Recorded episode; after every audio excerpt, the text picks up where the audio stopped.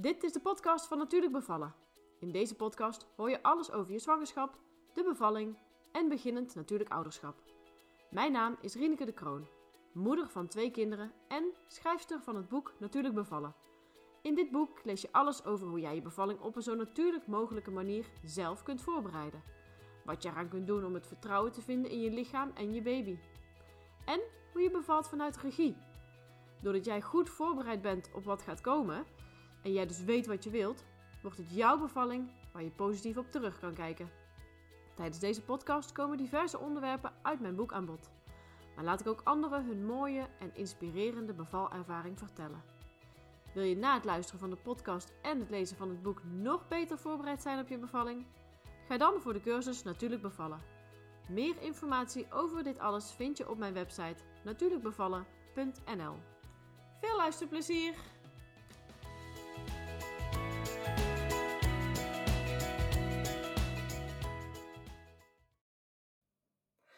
Vandaag ga ik in gesprek met Elaine van Jouw Geboorteavontuur.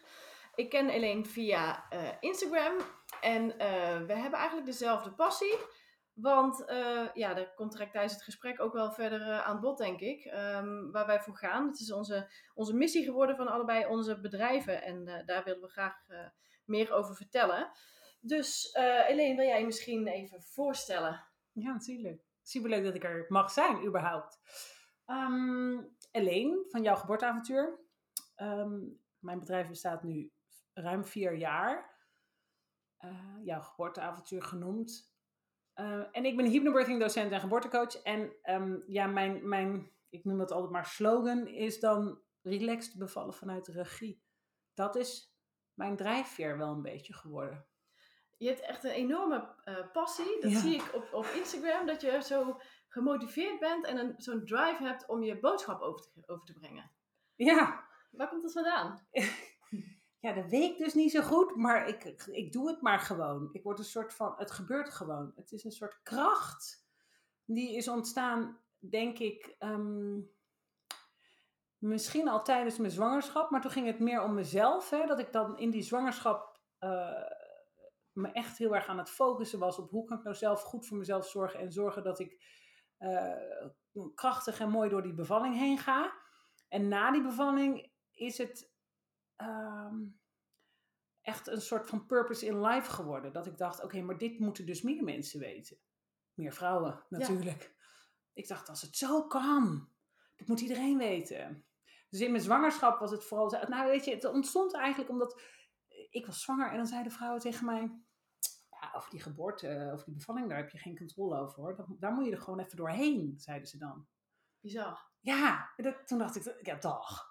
Ja. Dat gaat mij echt niet gebeuren. Ik, dat, nee, ik, ik ben een control freak. Ik was programmamaker, ik regisseerde films. Um, dus ik dacht, ja, het kan gewoon niet. Het kan gewoon niet zo zijn dat ik een werkdag, want zo lang duurt een bevalling gemiddeld natuurlijk, nou zelfs 12 tot 16 uur, dat ik dan een soort van controleloos door die bevalling heen ga kon gewoon niet begrijpen. En, toen dacht, en dat was een soort trigger voor mij dat ik dacht, ja, maar dan zorg ik dus dat dat me niet overkomt. Dus ik ben me echt volledig, echt to the max.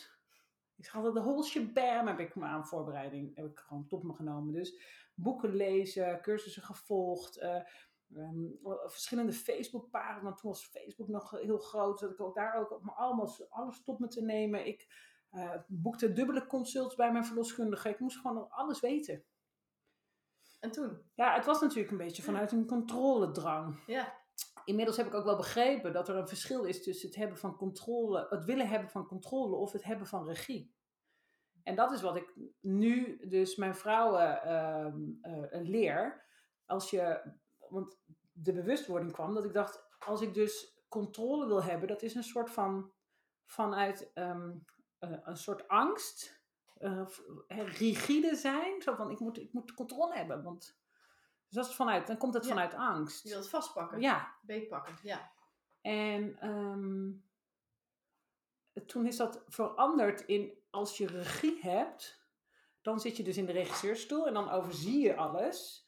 En dan maakt het dus niet uit hoe dingen lopen, want je kunt daarop inspelen, omdat je um, ja. de situatie ja, oont, zeg maar. Ja. Ja, en accepteert hoe de situatie zich op dat moment voordoet. Nou, nee. Eh, Zorg dat, nou ja, ook. eh, Maar ik noem dat meer eh, laveren in de situatie zoals die hem voordoet. Want op het moment Ja. dat je zou zeggen, accepteer het, dan kan het ook zijn dat een, een zorgverlener gaat zeggen, ik ga nu dit of dit of dit Nee, doen. precies. Ja. En dan denk ik, nee, dat is het ook niet helemaal. Want je hebt natuurlijk dan, dan ga je bijvoorbeeld, dan ga je bij jezelf te raden, is dit, past dit bij mij, deze interventie die nu wordt aangeboden, past dit bij mij? En zo niet, dan ga ik kijken, hoe kom ik dan wel samen met die zorgverlener tot een mooi eindresultaat. En hoe doe jij dat? Ja. Tijdens je cursus? Nou, ik geef dus eh, cursussen. En de eerste, eh, in de basis is dat hypnobirthing. Ehm, ik ben hypnobirthing docent, maar ik heb er een premium variant van gemaakt. Dus mijn cursussen die zijn, ik, ja, dat zit vol met extra modules die ik erin heb gebouwd. Ik vind het heel mooi hoor, hypnobirthing. En ik, ik promote het nog steeds heel erg. Alleen, ik vond wel dat het ehm, iets te mager was. Dat ik dacht, ehm, het gaat hypnobirthing gaat heel erg over hoe kun je als eh, barende eh, in de ontspanning komen en zorgen dat jouw lijf dat, dat hele eh, natuurlijke fysiologische proces als eh, zodanig soort bewerkstelligt. En dat vind ik super mooi en dat, ik zou dat el, willen dat elke vrouw weet hoe dat werkt. Ik vond wel dat ik, ik, ik kwam te vaak tegen dat veranderende situaties, bijvoorbeeld een, een thuisbevalling die eh, eindigt in het ziekenhuis, of polyklinisch willen bevallen, maar eh, halverwege of aan het einde van de zwangerschap ineens een hoge bloeddruk hebben en dan toch bij de gynaecoloog terechtkomen. Nou, dat soort dingen, die veranderende situaties, dat vrouwen daar alsnog die controle kwijtraakten. En toen dacht ik, dat is niet oké. Dus dan moet ik daar ook op gaan zitten om te zorgen dat we alsnog, eh, dat die vrouw, dat, dat ze dus altijd, ja, ik, ik noem dat eigenlijk het ideale scenario, voorbereid, maar daarnaast de what-if scenario's. Ja. En dat zijn dus de veranderende scenario's, waarbij, het blijkt ook uit onderzoek, dat vrouwen dan, dan dat moment, eh, als stel dat dat ideale scenario ineens verandert naar een what-if scenario en daar niet op voorbereid zijn, dan zijn ze hem kwijt. Dat ze dan denken, fuck, wat gebeurt er nu? En, eh, en dan een soort van in een rollercoaster Ja. terechtkomen en dan achteraf ehm, alsnog gewoon een gezonde baby op de borst gelegd krijgen, maar wel denken, wat de fuck is er net gebeurd? Ja, een soort overvallen worden Ja. Nou, en dat stukje, daar zit ik dus echt op. Zodat ik zorg dat die vrouwen ehm, ten alle tijden regie blijven voeren. Ja. Ja. En hoe we dat dan doen, ja, dat zie je dan natuurlijk in mijn cursus wel. Nou, daar kun je vast wel meer over vertellen. Ehm, ja, ehm, we doen eh, eh, dus in de basis die, die, die, die hypnobirthing cursus. Maar wat ik heel erg meeneem is eh, dus allerlei scenario's bespreken. Ehm, we gaan heel erg onderzoeken eh, of dat je zorgverlener die je gekozen hebt aan het begin van de eh, zwangerschap ook echt goed bij jou past. Want het kan zomaar zijn dat je eigenlijk, hè, als je daar al weken eh, langskomt of al weken bijloopt voor je consult, dat je toch denkt, ja, dat voelt niet helemaal goed. Hoeveel vrouwen denken niet dat ze, dat ze zich hebben te voegen in de richtlijnen en, de- en, en de visie van de verloskundige praktijk? Mhm. En doorgaans trouwens ook denken dat, hè, zoals deze praktijk dat voor mij eh, uitstippelt, dat dat gewoon de standaard is. Ja, want je zult in de praktijk, je zult ook wel tegenkomen dat er, er zijn ook genoeg andere mogelijkheden. Heb je daar misschien ook een, een voorbeeld van of zo, een concreet? Nou, ik maak bijvoorbeeld in mijn cursussen, dan, dan leg ik ze uit. Hè? Dan zeg ik van, nou weet je, ehm, de vraag is, past jouw verloskundige bij jouw ideeën? Op basis van wat heb je in je verloskundige praktijk gekozen? Nou, dan, eh, dan alles komt, komt voorbij. Hè? Op basis van eh postcode check, op basis van Google reviews. Eh, ik ging naar de huisarts en die zei, ga maar naar die praktijk. Ik heb op de website gekeken en naar de foto's van de verloskundige en ik vond ze er wel leuk uitzien. Ik vind het, het zijn allemaal hele logische, legitieme redenen waarom je kiest voor een bepaalde praktijk. Ja. Sommigen hebben het helemaal uitgestippeld. Die hebben echt verschillende praktijken langs elkaar, naast elkaar gelegd en gekeken van eh, wat past er dan bij mij. Dat kan. Maar het kan dus ook echt zijn van ja, ik heb gewoon mijn postcode, ik heb gewoon op Google Maps gekeken. Deze praktijk was bij mij in de buurt. En dan komen er, dan, dan, dan schets ik eigenlijk een situatie dat ik zeg van nou weet je, de, elke, elke, elke praktijk werkt volgens een bepaalde visie. Een een bepaald idee, een, bepaald, ehm, eh, een bepaalde manier van hoe ze naar eh, de geboorte eh, kijken. En dat is helemaal oké, er is geen goed of fout. Mhm.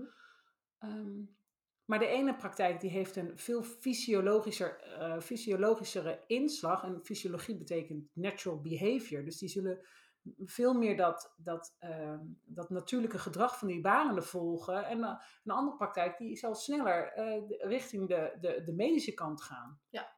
En da, daar is gewoon per praktijk eh, eh, best wel wat verschil in. Ja. En dan zeg ik uiteindelijk, zeg ik dus, eh, en wat zijn jou, dan jouw eigen ideeën met betrekking tot baring? En hoe wil je dat? En hoe zie je dat voor je? En hoe wil je eigenlijk dat je tijdens je bevalling bejegend wordt? Hoe wil je dat ze met je omgaan? Eh, allemaal dat soort dingen. En dan vervolgens ga je maar eens kijken, past mijn idee dan bij die praktijk? Ja, je maakt En als dat dus- niet zo is, Ja.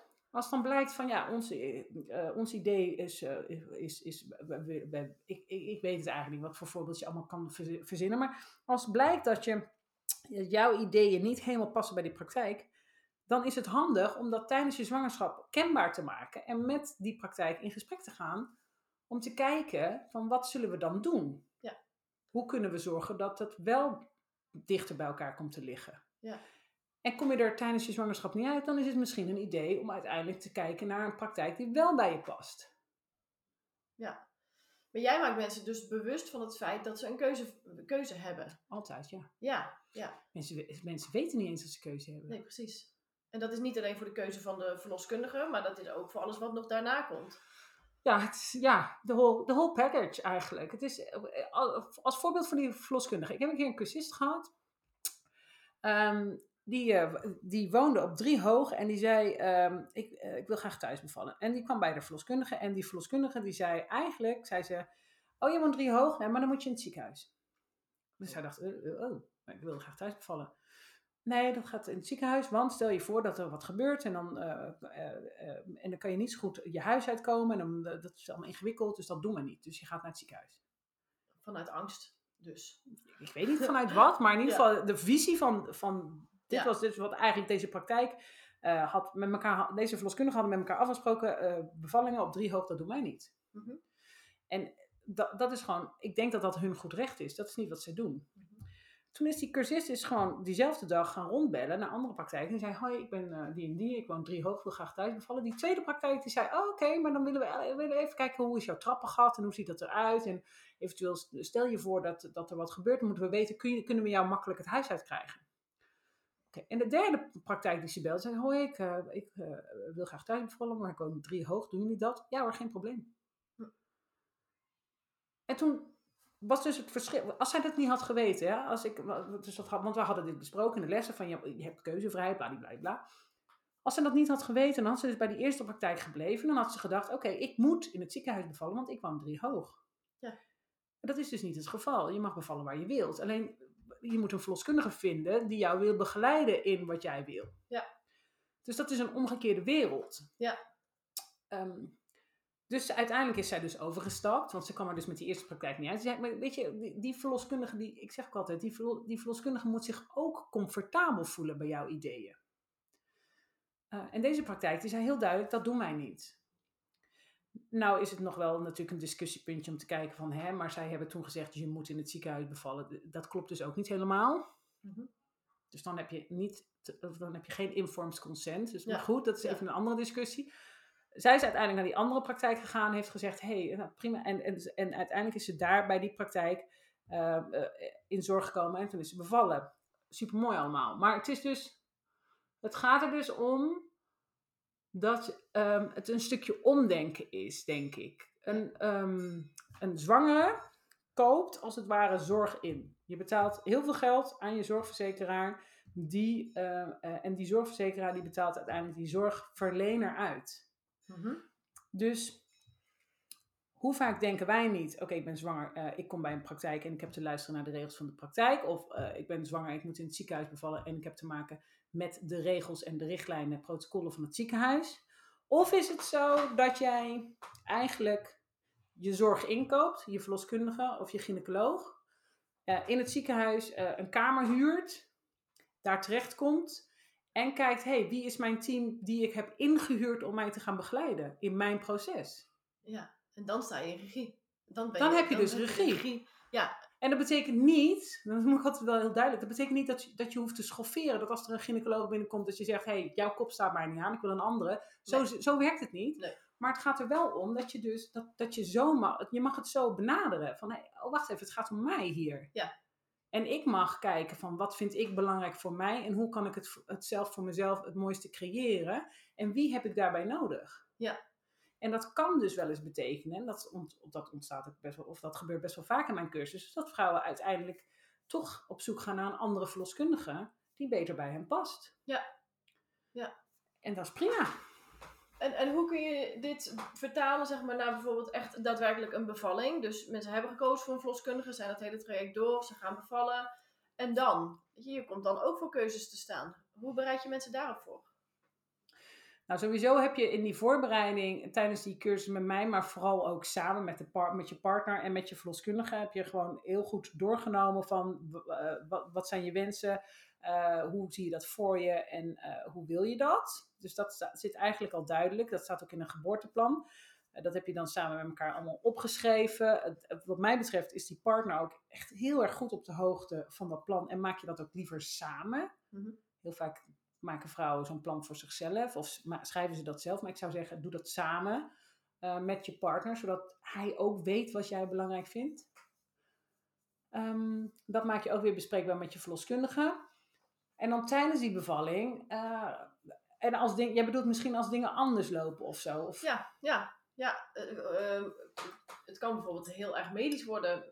Eh, een zwangere die kan naar het ziekenhuis gaan om bijvoorbeeld ingeleid te worden. Dat kan, maar je hebt daar ook eh, soms gewoon je hebt ook een keuze in. Hoe ga je daarmee om? Hoe bereid je daar je vrouwen op voor? Nou, sowieso, ehm, ehm, wat ik al zei, de whole shebang. We bespreken natuurlijk alles. Dus wat, zou, en wat, wat, wat, kun je doen als er dit, wat kun je doen als er dat, wat kun je doen als er zus en zo. Ehm, en in een veranderend scenario, hoe blijf je dan toch eh, in regie? En dat is bijvoorbeeld door bepaalde eh, uitvraagtechnieken. Ehm, hoe kun je eh, ehm, om de juiste informatie vragen? Hoe kun je zorgen dat je een volledig informed consent kunt bereiken? Dus dat, en dat houdt weer in ehm, dat je zorgverlener jou vertelt wat alle mogelijke opties zijn. Eh, en, uit, en bij alle mogelijke opties ook alle voordelen en nadelen bespreekt. Zodat jij eh, aan dat spectrum aan opties eh, vervolgens kunt bekijken van wat, wat, wat, welke optie past bij mij. En op basis daarvan een weloverwogen besluit kunt maken. Dat is een informed consent. Ja. Ehm, dus als je bijvoorbeeld zegt, de, de, advies, de, de gynaecoloog die adviseert, mijn, mijn kind wordt te groot geschat, dus ze willen mij gaan inlijnen met 38 weken. Dat is het advies. Is dat informed consent? Nee. Nee.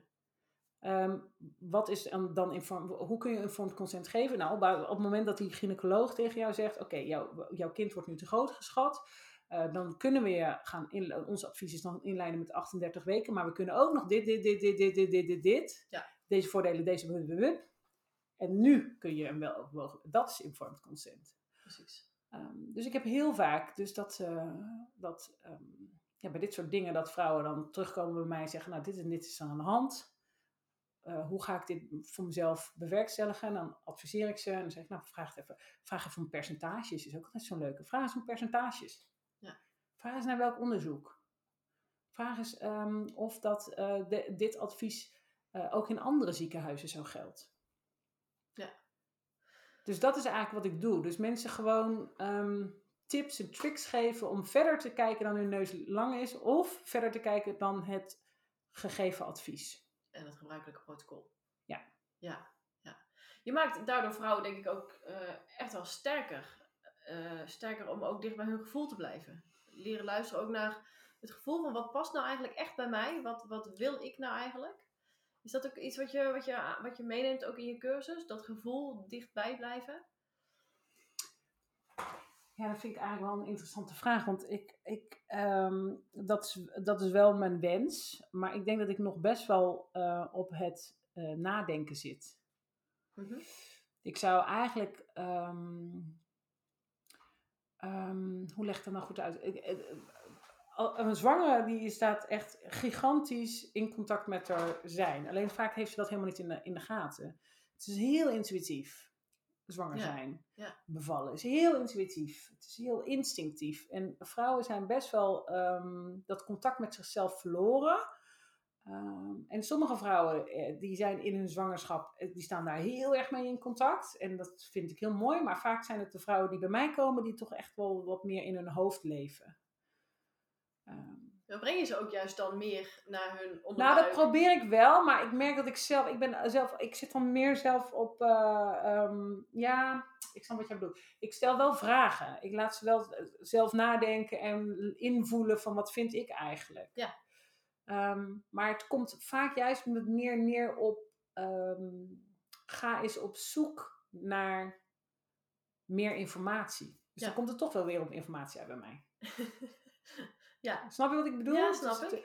Want het houdt gewoon niet op bij het advies van deze verloskundige of eh, het, eh, het, het, het- de richtlijn van dit desbetreffende ziekenhuis.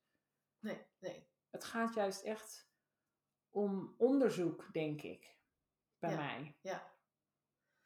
Ja. Is, is, merk je ook een bepaalde angst bij eh, de vrouw die jij begeleidt? Dus ehm, zijn er heel veel keuzes gebaseerd op angst? Ehm, nee, dat is zo grappig, hè? Want eh, ja, iedere coach trekt eh, zijn eigen doel, haar eigen doelgroep aan. En bij mij komen vaak vrouwen die zijn, die zijn heel bewust in die zwangerschap. Die zijn, die zijn ehm, heel erg. ehm, eh, die, die, die, die stellen het, het, hun eigen welzijn en dat van hun kindje echt voorop. En die willen dus echt heel graag het aller, allerbeste voor zichzelf en hun kind. Dat is dan het type vrouw dat bij mij komt. Eh, en hebben daar dus ook wel voor over dat, dat, ze, dat ze het aandurven om die verantwoordelijkheid daarvoor te nemen. Want dat vraagt ook een bepaalde verantwoordelijkheid. Ja, zeker. Ehm, en dat zijn de vrouwen die ik begeleid. Dus dat is vaak niet vanuit angst, maar dat is meer vanuit ik wil gewoon weten wat er gebeuren gaat. En ik wil goed voorgelicht zijn en ik wil gewoon kunnen kiezen. Eh, en dan eh, op basis daarvan ga ik mijn besluit nemen. Ehm, en, dat, en, en daar dus ook de verantwoordelijkheid voor dragen. Maar dat zijn dus wel de vrouwen die al ehm, die, op, die er zo in staan die bij jou komen. Ja. En jij helpt ze nog een stap verder. Ja. En daardoor eh, zorg ervoor dat je Ja. goed geïnformeerd bent. En op basis daarvan maak jij je eigen beslissing. En dan maakt het dus vaak ook niet eens uit hoe die bevalling verloopt. Nee. Eh, als er dan wat afwijkt van het ideale scenario en het eindigt uiteindelijk in het ziekenhuis, dan hebben ze nog steeds tijdens, de what-if, eh, bij- tijdens het what-if scenario, wordt het vervolgens weer hun eigen bevalverhaal. Ja. Dus dan is het dus een, een, een bevalling die anders loopt dan het ideale scenario, blijft nog steeds, maar dit was ons verhaal. Precies. Ja. Dus dan maakt het eigenlijk niet eens uit hoe het loopt. Nee, dat snap ik. Ja. Dus dan gaat het heel erg over ehm, dus eh, welke keuzes heb ik, eh, wat, wat kunnen we doen, hoe, eh, hoe gaan we dat bewerkstelligen, maar ook hoe wil ik bejegend worden, hoe wil ik dat mensen met mij omgaan en hoe ga ik zorgen dat die mensen ook daadwerkelijk zo met mij omgaan zoals ik wil dat ze met me omgaan. Zijn mensen zich daar altijd echt van bewust? Ja, jij brengt ze dan mee, maar Dat, wordt, dat is zo fantastisch, dat is Ja. zo leuk. Ze komen bij mij omdat ze, omdat ze weten, hè, relax bevallen vanuit regie, dat resumeert ergens kennelijk. Mhm. Maar wat dat dan precies betekent, geen idee. Maar oké, ik wil wel relax bevallen en ik wil ook een beetje regie. Ja. Ah, dus, dus dat. En dan komen ze bij mij en dan eh, begeleid ik ze. En dan vervolgens dan voelen ze zich zo krachtig. En ja, dat is, dat is geweldig, dat is awesome. Weet je, en, en vaak ook hypnobirthing. Dat heeft natuurlijk een onwijs zweverig imago. Dus hypnobirthing, wat kan je daar nou van verwachten? Ja. Ehm, maar dat is het natuurlijk helemaal niet. Het is echt super aards. Het is echt super krachtig. Het is echt power, empowerment. het is met twee voeten op de grond, juist. Vind, Ja, ja, ja. vind ik. Ik heb het ook hyperbirthing gedaan en ik vond dat heel erg, eh, ja, ik wil ik zeg, met twee voeten op de grond. Het is heel eh, natuurlijk, het is zoals het, zoals het eigenlijk wordt gegaan. Ja, vooral. Het is eigenlijk ehm, uit je hoofd je lichaam in. Ja, grappig. Ja, en, en, en jij zit, eh, jou, dat voeren op regie, zeg maar, hè, dat, Ja. die, be- die bevalling beleven, eh, dat heeft ook te maken met je achtergrond. Ja. Hoe heb je dat zelf, eh, die vertaling kunnen maken, zeg maar? Kun je daar iets over vertellen? Bedoel je Dim zijn geboorteverhaal? ja, en, en wat je hiervoor hebt gedaan. Ja, ik, ik was dus eh, programmamaker. En eh, ehm, eh, nou ja, ik raakte zwanger van Dim. En wat ik net al zei, hè, dat Ja. mensen dan tegen mij zeiden... Ja, maar daar heb je helemaal geen controle over, joh. Dat, dat gebeurt gewoon. En ja, dat, dat paste gewoon helemaal niet in mijn straatje. Dus ik ging dat allemaal voorbereiden. ehm, goed over nadenken, zodat ik wist, en ons, ons verhaal liep dus echt compleet anders dan het ideale scenario. Ik wilde graag thuis bevallen, uh, het liefst in bad. Ehm, en dat hebben we ook gedaan hoor. Dus we waren goed bezig, zeg maar. En toen kreeg ik persweeën. En toen bleek dat Dim niet helemaal goed uh, in mijn bekken lag. Um, en uiteindelijk uh, met persweeën in een auto, echt geweldig. Het is echt een bucketlist dingetje. Nee, natuurlijk niet. Helemaal niet leuk. Maar goed, met persweeën naar het ziekenhuis. um, vanuit dus een uh, wel overwogen besluit. Hè? Dus dat okay, de verloskundige ja. dat op een gegeven moment zei van volgens mij kunnen we dit beter in het ziekenhuis afmaken. Nou, uiteindelijk die beslissing ook gemaakt. Ja, nou, dan dus nou, met, met persweeën dus in die auto. Uh, fantastisch. Um, en toen kwamen we daar aan. Uh, en, dan, en dan krijg je. Uh, het advies was nu om de bevalling verder te gaan inleiden. Omdat Dim lag niet lekker in dat bekken, dus hij, hij zakte niet dieper. Maar ik had wel persweeën. Um, en het advies was dus deze bevalling verder inleiden. Uh, en, maar ik dacht, hoezo? Ik begrijp dit niet. Ik heb gewoon persweeën. Ik wil gewoon even, ik wil gewoon die, die kracht die ik nu ervaar, ik wil dat gewoon zelf doen. Um, dus ik wil in ieder geval de mogelijkheid krijgen uh, om dat zelf te proberen. En natuurlijk als de gezondheid van mijn kind en mij dat toeliet. Dat natuurlijk staat voorop. Hè? Dus dat ja. is hopelijk ook voor de luisteraars logisch. Um, wij kwamen in het ziekenhuis en toen hebben we dus inderdaad kunnen aangeven van, joh, dit is nu jullie advies. Jullie stellen nu voor deze bevalling inleiden. Um, overigens, op dit moment kon ik het woord niet meer doen. Maarten deed dat. Uh, en die zei van, joh, Ellen die heeft gewoon echt de wens om dat bevalproces natuurlijk te doen. Die wil graag uh, dat kijken of dat kan. Wat, is nu, wat, wat kunnen we nu doen met z'n allen? En toen ging die klinisch verloskundige van het ziekenhuis, want dat is altijd zo'n dingetje. Je, je bevalt met je eigen verloskundige, je bent thuis en je hebt je eigen verloskundige van, uh, waar je al, al, die, al die maanden bij gelopen hebt. Die kent je goed en je hebt samen dat helemaal voorbereid uh, met z'n drieën. Dus eigenlijk uh, jij, je partner en de verloskundige een bevalverhaal en dat verloopt en zo. En op een gegeven moment komt er dus een verandering van het scenario. Je moet naar het ziekenhuis. Staat er ineens een nieuwe persoon voor je. Gewoon een klinisch verloskundige van het ziekenhuis. Die zegt, hoi, ik ga deze bevalling met jou afmaken. Nou, echt uh, schakelen. Echt. En dit is dus vaak het moment dat vrouwen dan in één keer, bam, die, die, die bevalling was toen niet meer van mij. En toen werd er voor mij beslist. En toen werd er voor mij besloten. Ik, ik, ik had helemaal geen, eh, geen regie meer. En ze deden toen dit en ze zeiden toen dat. Ja, daar zit ik dus echt op. Want wij, wij kwamen daar en Maarten deed op dit moment het woord. Die zei, Eleni heeft echt de wens voor natuurlijk bevallen. Jullie advies is nu inleiden. Wat kunnen we doen? En die vrouw heeft mij toen onderzocht. De uh, conditie van Dim natuurlijk bekeken. En toen zei ze op een gegeven moment, zei ze, joh, als dit heel belangrijk voor jullie is, dan weet je wat, we proberen het een uur. En dan kijken we over een uur, maken we een nieuw plan. Als, als er nog geen vordering is of wat, dan gaan we opnieuw kijken. Oké, okay. ja. oké, okay, zeiden wij. Oké, okay, dan doen we dat. Dus, en toen um, was ik dus in een ziekenhuis uh, verloskamer, maar, uh, en, en niet meer in bad thuis in, uh, met die pingelpangen muziek en die kaarsjes en weet ik veel wat, maar gewoon echt zo in zo'n verloskamer. maar wij gingen het wel weer oppakken, Maarten en ik, omdat we dus niet uit het veld geslagen waren vanwege die voorbereiding. Dus we zijn het weer gaan oppakken en nu met die nieuwe verloskundige die bevalling verder afgemaakt. En we hebben een klein beetje gesmokkeld, want het heeft een uur en zes minuten geduurd. Maar na een uur en zes minuten lag uh, mijn kleine dimmetje op mijn borst. In een natuurlijk bevalproces. En dit was dus voor mij het moment dat ik dacht, ja, dit kan dus wel. Ja. Je hebt dus wel uh, zeggenschap, je hebt wel eigenaarschap, je hebt wel regie, je kunt wel overleggen. Um, en, en uiteindelijk samen met in dit geval een nieuwe zorgverlener komen tot een mooi eindresultaat waar iedereen tevreden over is. Ja. En eh, het, het, het is ook, onderzoek wijst het ook uit, hè, dat vooral het onderzoek van Claire Stramrood haal ik er vaak bij, dat voorbereiding echt bijdrage, een hele grote bijdrage heeft aan de bevalervaring van de vrouw. Absoluut. En dan komt het dus uiteindelijk uh, terug op uh, dat je volledig bent voorbereid dat gaat jou helpen in je bevallervaring. Ja. Daar zit je zo. Daar, dat is ja, nou ja, dat, ja, dat is het. Daar ga ja. ik op aan. Ja, ja. Dat heeft ook je, je, je leven veranderd? Ja, en toen dacht ik, uh, dus inderdaad dacht ik, oké, maar dit moet iedereen dus weten. En toen uh, ben ik jouw geboorteavontuur gestart. Ik ben me gaan omscholen, ik ben hypnobirthing-docent geworden, geboortecoach. Ik heb allerlei trainingen gedaan, uh, van alles tot me genomen. Um, ik, ik, ik vond mezelf al tijdens mijn zwangerschap al een behoorlijke geboorte-expert hoor. Maar ik heb het ook nog met diploma's en allemaal versterkt.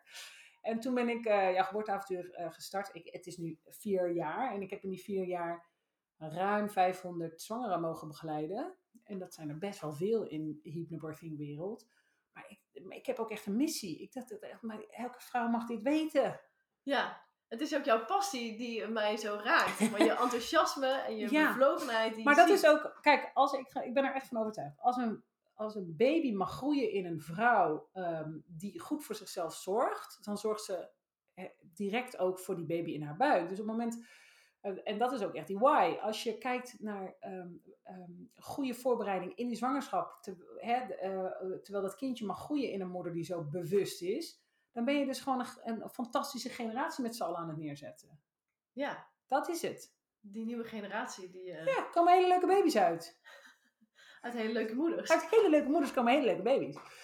Um, dat, maar dat blijkt dus ook. Dus als, als, een, als een moeder in een kalme uh, toestand haar bevalproces doormaakt, maakt ze natuurlijk, hè, haar hormoonhuishouding reageert daarop. Uh, die hormonen komen direct bij die baby. En die baby heeft daar dus de voordelen van. Als een moeder heel gestrest en angstig en vol adrenaline eh, aan het bevallen is, dan heeft die baby daar dat effect van. Ja.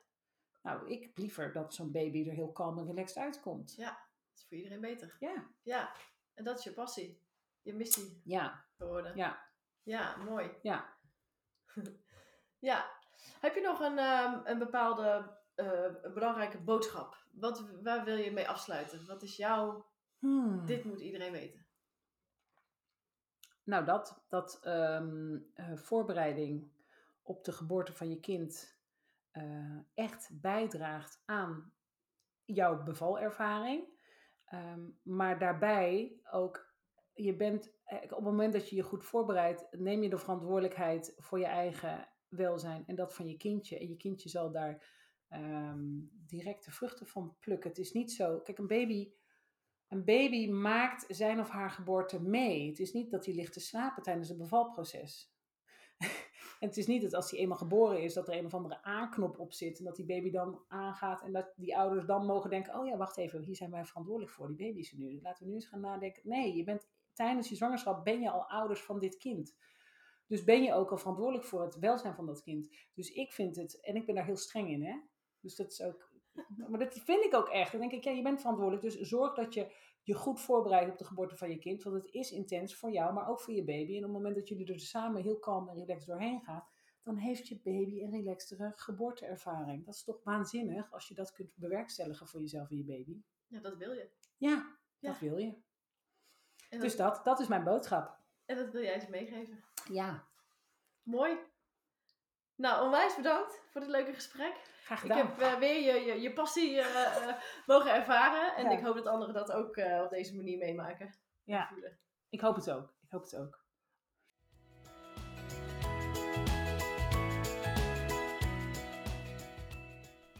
Dit was de podcast voor deze keer. Wil je meer weten over natuurlijk bevallen? Je kunt me volgen op Instagram, Facebook of de website natuurlijkbevallen.nl, waar je ook heel eenvoudig het boek kan bestellen. Ik zou het leuk vinden als je je abonneert op mijn podcast en een review wilt achterlaten. Dat helpt om beter vindbaar te zijn, zodat nog meer vrouwen zich kunnen laten inspireren voor hun bevalling. Tot de volgende keer!